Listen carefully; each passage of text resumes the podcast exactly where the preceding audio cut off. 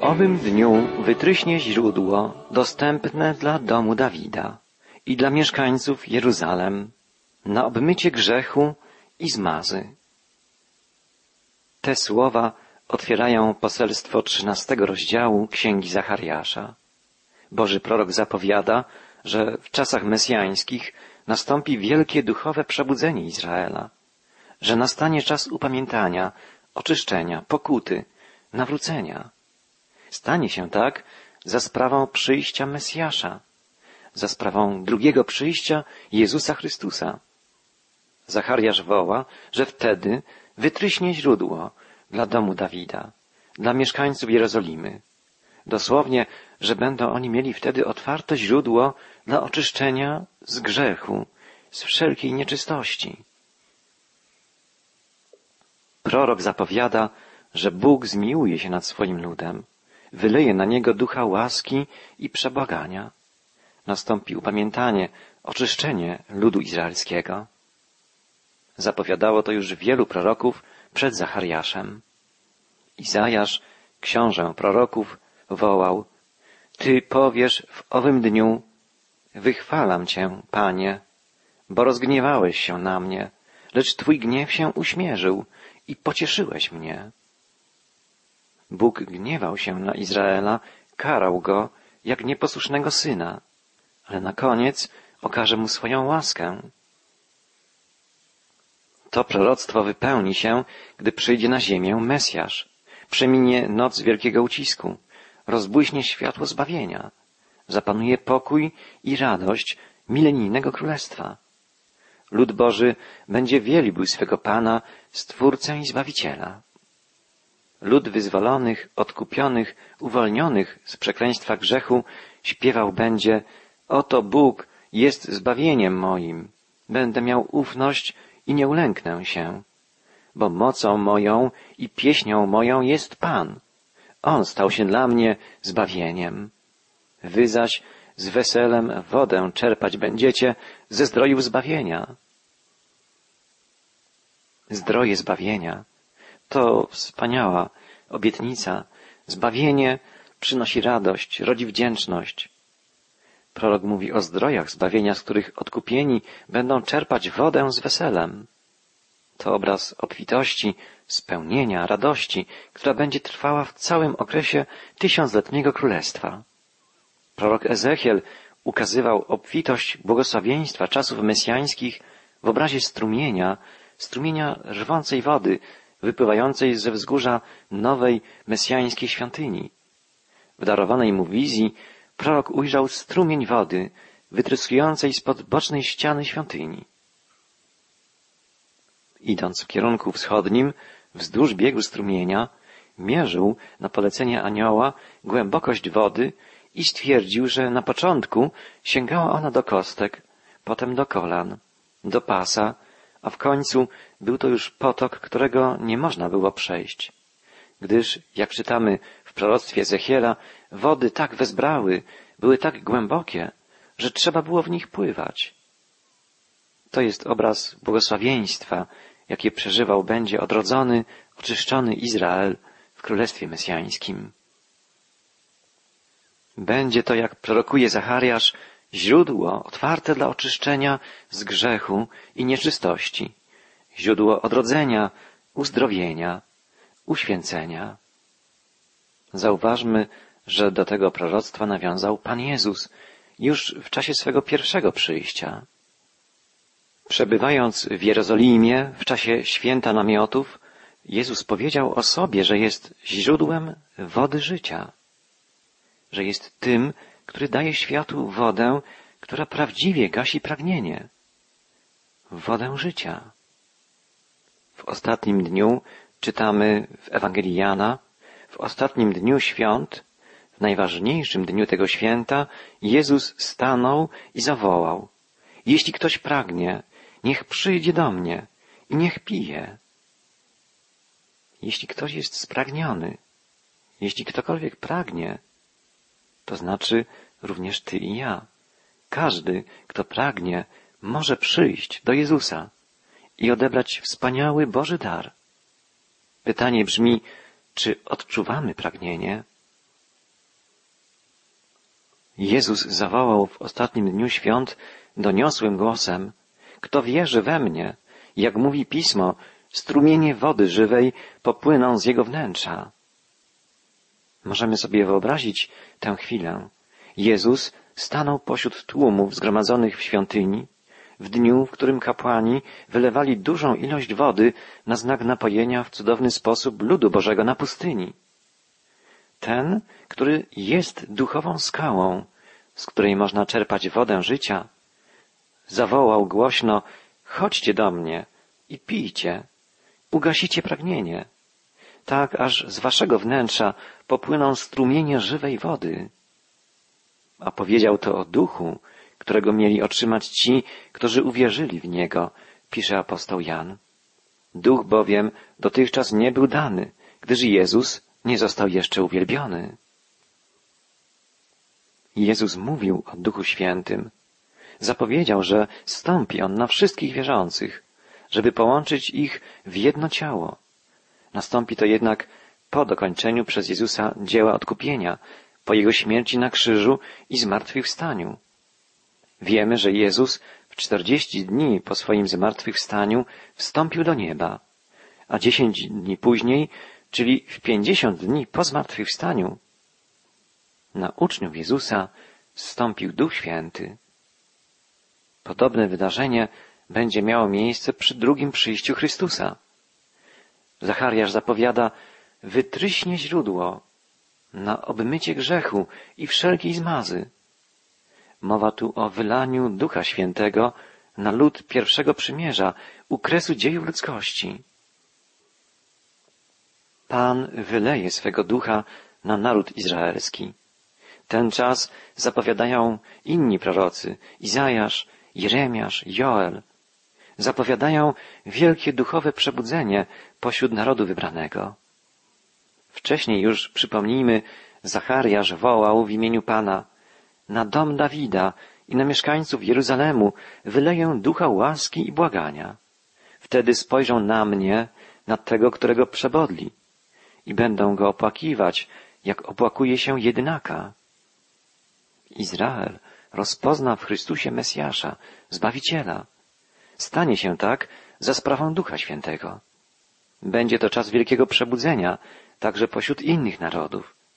Joel prorokował, każdy, który wezwie imienia Pańskiego, będzie zbawiony, bo na górze Syjon, w Jeruzalem, będzie wybawienie. Izraelici staną się wtedy na nowo misjonarzami Pana, głosicielami dobrej nowiny o zbawieniu. Wielu komentatorów biblijnych uważa, że będzie to największe duchowe przebudzenie w historii ludzkości.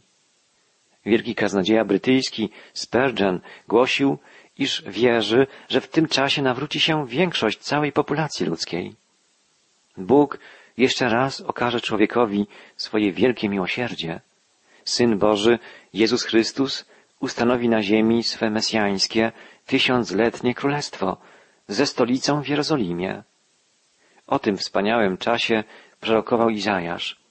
Stanie się w dniach ostatecznych, że góra ze świątynią Pana będzie stać mocno jako najwyższa z gór i będzie wyniesiona ponad pagórki, a tłumnie będą do niej zdążać wszystkie narody. I pójdzie wiele ludów, mówiąc, pójdźmy w pielgrzymce na górę Pana, do świątyni Boga Jakuba i będzie nas uczył dróg swoich, abyśmy mogli chodzić Jego ścieżkami. Taki okres w dziejach ludzkości jeszcze nie nastąpił, ale z pewnością nastąpi za sprawą Mesjasza, Chrystusa, Księcia Pokoju. On w czasach ostatecznych objawi się w pełni mocy i chwały.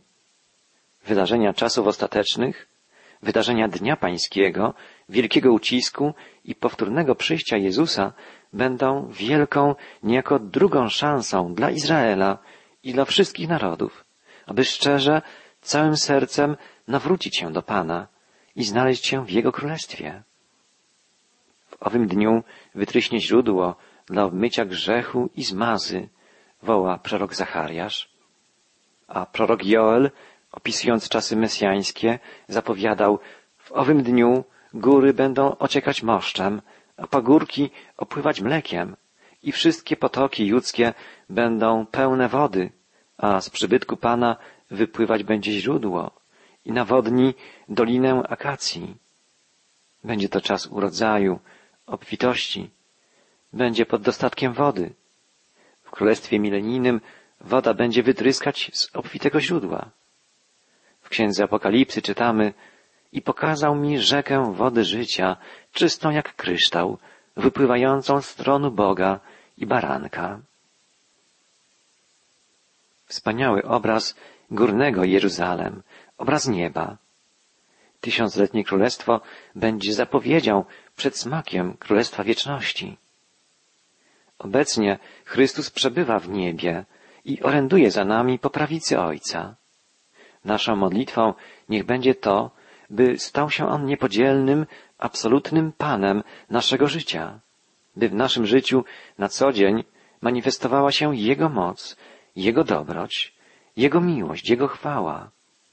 Módlmy się o to, żeby stał się On Panem i władcą w Jerozolimie, by zaprowadził swoje sprawiedliwe rządy, by ustanowił swoje mesjańskie królestwo.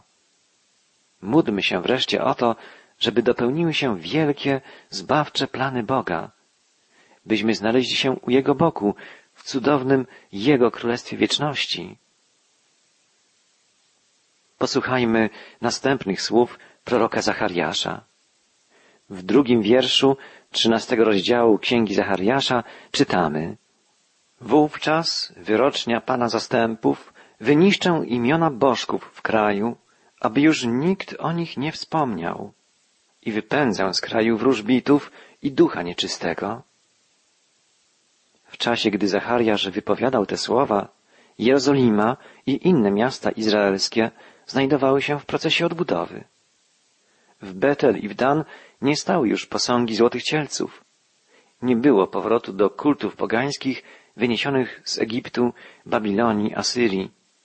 Tych kultów, które były obecne przed wypędzeniem do niewoli.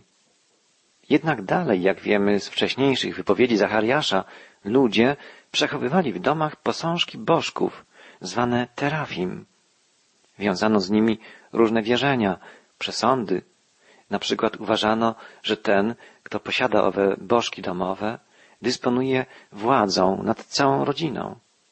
Strzeżono ich więc jak oka w głowie i uważano, że dopóki znajdują się w obrębie domostwa, gwarantują całej rodzinie bezpieczeństwo, pomyślność. Może ktoś pomyśli, jak to? Przecież przemawiał do Izraelitów żywy Bóg. Tyle razy objawiał im swoją moc, swoją dobroć, swoją troskę, a oni, zamiast swoją ufność położyć w Nim, swoim Panu, wierzyli w rzekomą moc domowych bożków, posążków ze złota i drewna. Drogi przyjacielu, jest to słuszne pytanie, ale takie pytanie musimy postawić przede wszystkim sami sobie. W dzisiejszym, współczesnym, wydawałoby się wykształconym, chrześcijańskim społeczeństwie ogromna rzesza ludzi wierzy w moc różnych przedmiotów, fetyszy, bożków. Ludzie przechowują w swoich domach przedmioty odziedziczone po rodzicach, dziadkach, wierząc, że to one chroniły poprzednie pokolenia i że będą szczęśliwymi amuletami także dla nich. Wieszają na szyi łańcuszki, przynoszące rzekomo szczęście, zapewniające ochronę, bezpieczeństwo. Kiedyś rozmawiałem z dziewczyną, która wierzyła w to, że łańcuszek z krzyżykiem, który nosi na szyi, należący wcześniej do jej matki, a przedtem do jej babki, gwarantuje jej bezpieczeństwo, szczęście, bo rzekomo chronił i przynosił szczęście wszystkim kobietom w jej rodzinie. Bez niego obawiałaby się wyjść na ulicę, albo na przykład zdawać egzamin. Ten przedmiot stał się dla niej szczególnym amuletem, fetyszem, bożkiem. Wielu ludzi w naszym kraju wierzy w moc różnych przedmiotów, posążków, obrazów. I trzeba podkreślić, że tego rodzaju wierzenia nie mają nic wspólnego z wiarą biblijną.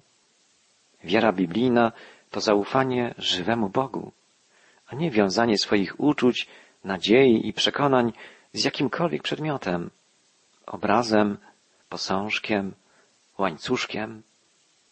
Martwe bożki nie gwarantują nam żadnego niebezpieczeństwa. Nie gwarantują nam w ogóle niczego, poza zakłamaniem, ułudą i zwiedzeniem. Wiara w moc jakichkolwiek przedmiotów to zabobon i przesąd. Wiara przynosząca zbawienie, wieczne bezpieczeństwo, to wiara w moc żywego Boga. Wiara rozbudzana dzięki modlitwie i dzięki wsłuchiwaniu się w Boże Słowo. Kto nie zna Bożego Słowa, nie doświadcza Jego przemieniającej mocy, kto nie rozmawia z żywym Bogiem, Stwórcą i Zbawicielem w modlitwie, kto nie trwa w osobistej więzi z Jezusem Chrystusem, zmartwychwstałym Panem, kto nie poddaje się przewodnictwu i ochronie Ducha Świętego, obrońcy, doradcy, ten, zamiast doświadczać cudownej pewności zbawienia u boku żywego Pana, wydaje sam siebie na pastwę przesądów, zabobonów, fetyszy, martwych bożków, za którymi kryją się jednak całkiem rzeczywiste siły, siły nieczyste, demoniczne. Zwróćmy uwagę, że Boży prorok zapowiada, iż wraz z nadejściem Mesjasza, Chrystusa, wyniszczone zostaną wszystkie bożki, wszelkie przedmioty uważane za cudowne i że wypędzone zostaną duchy nieczyste, a więc siły zła, kryjące się za owymi przedmiotami, posążkami i obrazami. Pomyślmy, komu zależy na tym, żebyśmy my, jako chrześcijanie, jako ludzie znający Chrystusa, zamiast ku Niemu i ku Jego Słowu kierowali swoje zainteresowania ku martwym obrazom i przedmiotom? Jest to sprawka szatana, który chce odciągnąć nas od Zbawiciela, od jedynego zmartwychwstałego, zwycięskiego Pana. Nie zapominajmy, że tylko On może zagwarantować nam bezpieczeństwo, zbawienie. Podkreślmy to jeszcze raz. Tylko więź z Nim, jedynym żywym Panem i Zbawicielem, otwiera nam drogę do Bożego Królestwa. Prorok zapowiada w imieniu Pana, wyniszczę imiona wszelkich bożków w kraju, aby już nikt o nich nie wspominał. Wyniszczę imiona wszelkich bożków. Jest tylko jedno imię, dzięki któremu możemy być zbawieni. Imię to brzmi Jezus Chrystus. Tylko On, który oddał życie za nasze grzechy i powstał z martwych, może wprowadzić nas do domu Ojca w niebie. Zachariasz prorokuje, że wraz z przyjściem Mesjasza zostaną wyniszczeni wszyscy wrogowie Boga, że wymazane zostaną imiona wszelkich fałszywych bożków, a stojące za nimi siły demoniczne będą unicestwione na zawsze. W księdze Apokalipsy, ostatniej księdze Biblii, czytamy o ostatecznej rozprawie żywego Boga z wysłannikami szatana. Jan przekazuje nam wizję, którą ukazał mu sam Pan. I pojmane zostało zwierzę, a wraz z nim fałszywy prorok, który czynił cuda, jakimi zwiódł tych, którzy przyjęli znamię zwierzęcia i oddawali pokłon jego posągowi. Zostali wrzuceni żywcem do jeziora ognistego, gorącego siarką. Tak zakończy się okres działania fałszywych proroków i demonów. Antychryst i jego współpracownicy zostaną wrzuceni do jeziora ognistego. Stanie się tak dzięki zwycięstwu Mesjasza, Chrystusa. Nastanie era tysiącletniego królestwa. Jan w Księdze Objawienia napisał dalej i widziałem anioła zstępującego z nieba, który miał klucz od otchłani i wielki łańcuch w swojej ręce. I pochwycił smoka, węża starodawnego, którym jest diabeł, szatan, i związał go na tysiąc lat, i wrzucił go do otchłani, i zamknął ją, i położył na nim pieczęć, aby już nie zwodził narodów, aż się dopełni owych tysiąc lat. O tym właśnie okresie mesjańskiego tysiącletniego królestwa prorokuje Zachariasz. Nikt nie będzie wtedy już zwodził ludzi za pośrednictwem fałszywych bóstw, demonów, przesądów, zabobonów, bo inspirator tych wszystkich spraw, mających odciągnąć ludzi od Chrystusa, szatan, będzie spętany na okres tysiąca lat. Potem zostanie na krótko wypuszczony, żeby poddać ludzkość ostatecznej próbie. Uda mu się, jak mówi Księga Apokalipsy, zwieść narody z czterech krańców ziemi, tak, że zaatakują one jeszcze raz Jerozolimę, obóz świętych, ale spadnie na nich ogień Bożego gniewu i pochłonie ich. A diabeł, który ich zwodził, pisze Jan, zostanie wrzucony do jeziora z ognia i siarki, gdzie znajduje się też zwierzę i fałszywy prorok i będą dręczeni dniem i nocą na wieki wieków. Taki będzie ostateczny los szatana i jego popleczników. Nie dajmy się zwodzić fałszywym prorokom. Nie dajmy się zwodzić szatanowi. Nie polegajmy na zabobonach, wróżbach, przesądach. Nie przypisujmy cudownej mocy posążkom, obrazom, jakimkolwiek przedmiotom. Ufajmy żywemu Panu, naszemu Zbawicielowi, bo w Jego ręku jest nasza przyszłość, cała wieczność. Posłuchajmy na koniec jeszcze jednej wypowiedzi proroka Zachariasza. Trzeci wiersz trzynastego rozdziału. Jeśli wystąpi ktoś jako prorok, wówczas ojciec i matka, rodzice jego powiedzą mu, nie możesz pozostać przy życiu, bo głosisz kłamstwa w imię Pana. I ojciec z matką i jego rodzice przebiją go, gdyby prorokował. Zachariasz podkreśla, że w czasach mesjańskich lud pierwszego przymierza będzie tak oddany Panu i będzie tak gorliwie mu służył, że nawet gdyby zdarzyło się, iż rodzony syn okaże się fałszywym prorokiem, zostanie unicestwiony przez rodziców. Na pierwszym miejscu w życiu ludzi w czasach mesjańskich będzie Pan i Zbawiciel, jedyny prawdziwy, żywy Bóg. I dzisiaj nasz Pan pragnie, żebyśmy kochali Go bardziej niż kogokolwiek, bardziej niż najbliższych, bardziej niż przyjaciół. Pragnie być dla nas kimś najbliższym, najważniejszym. Wzywa nas, żebyśmy kochali Go ze wszystkich sił, całym sercem, bo pragnie prowadzić nas przez życie zwycięsko, szczęśliwie. Prawdziwym szczęściem przecież jest być blisko Boga, przylgnąć do Niego, otworzyć się na Jego miłość i zamieszkać na zawsze w Jego domu.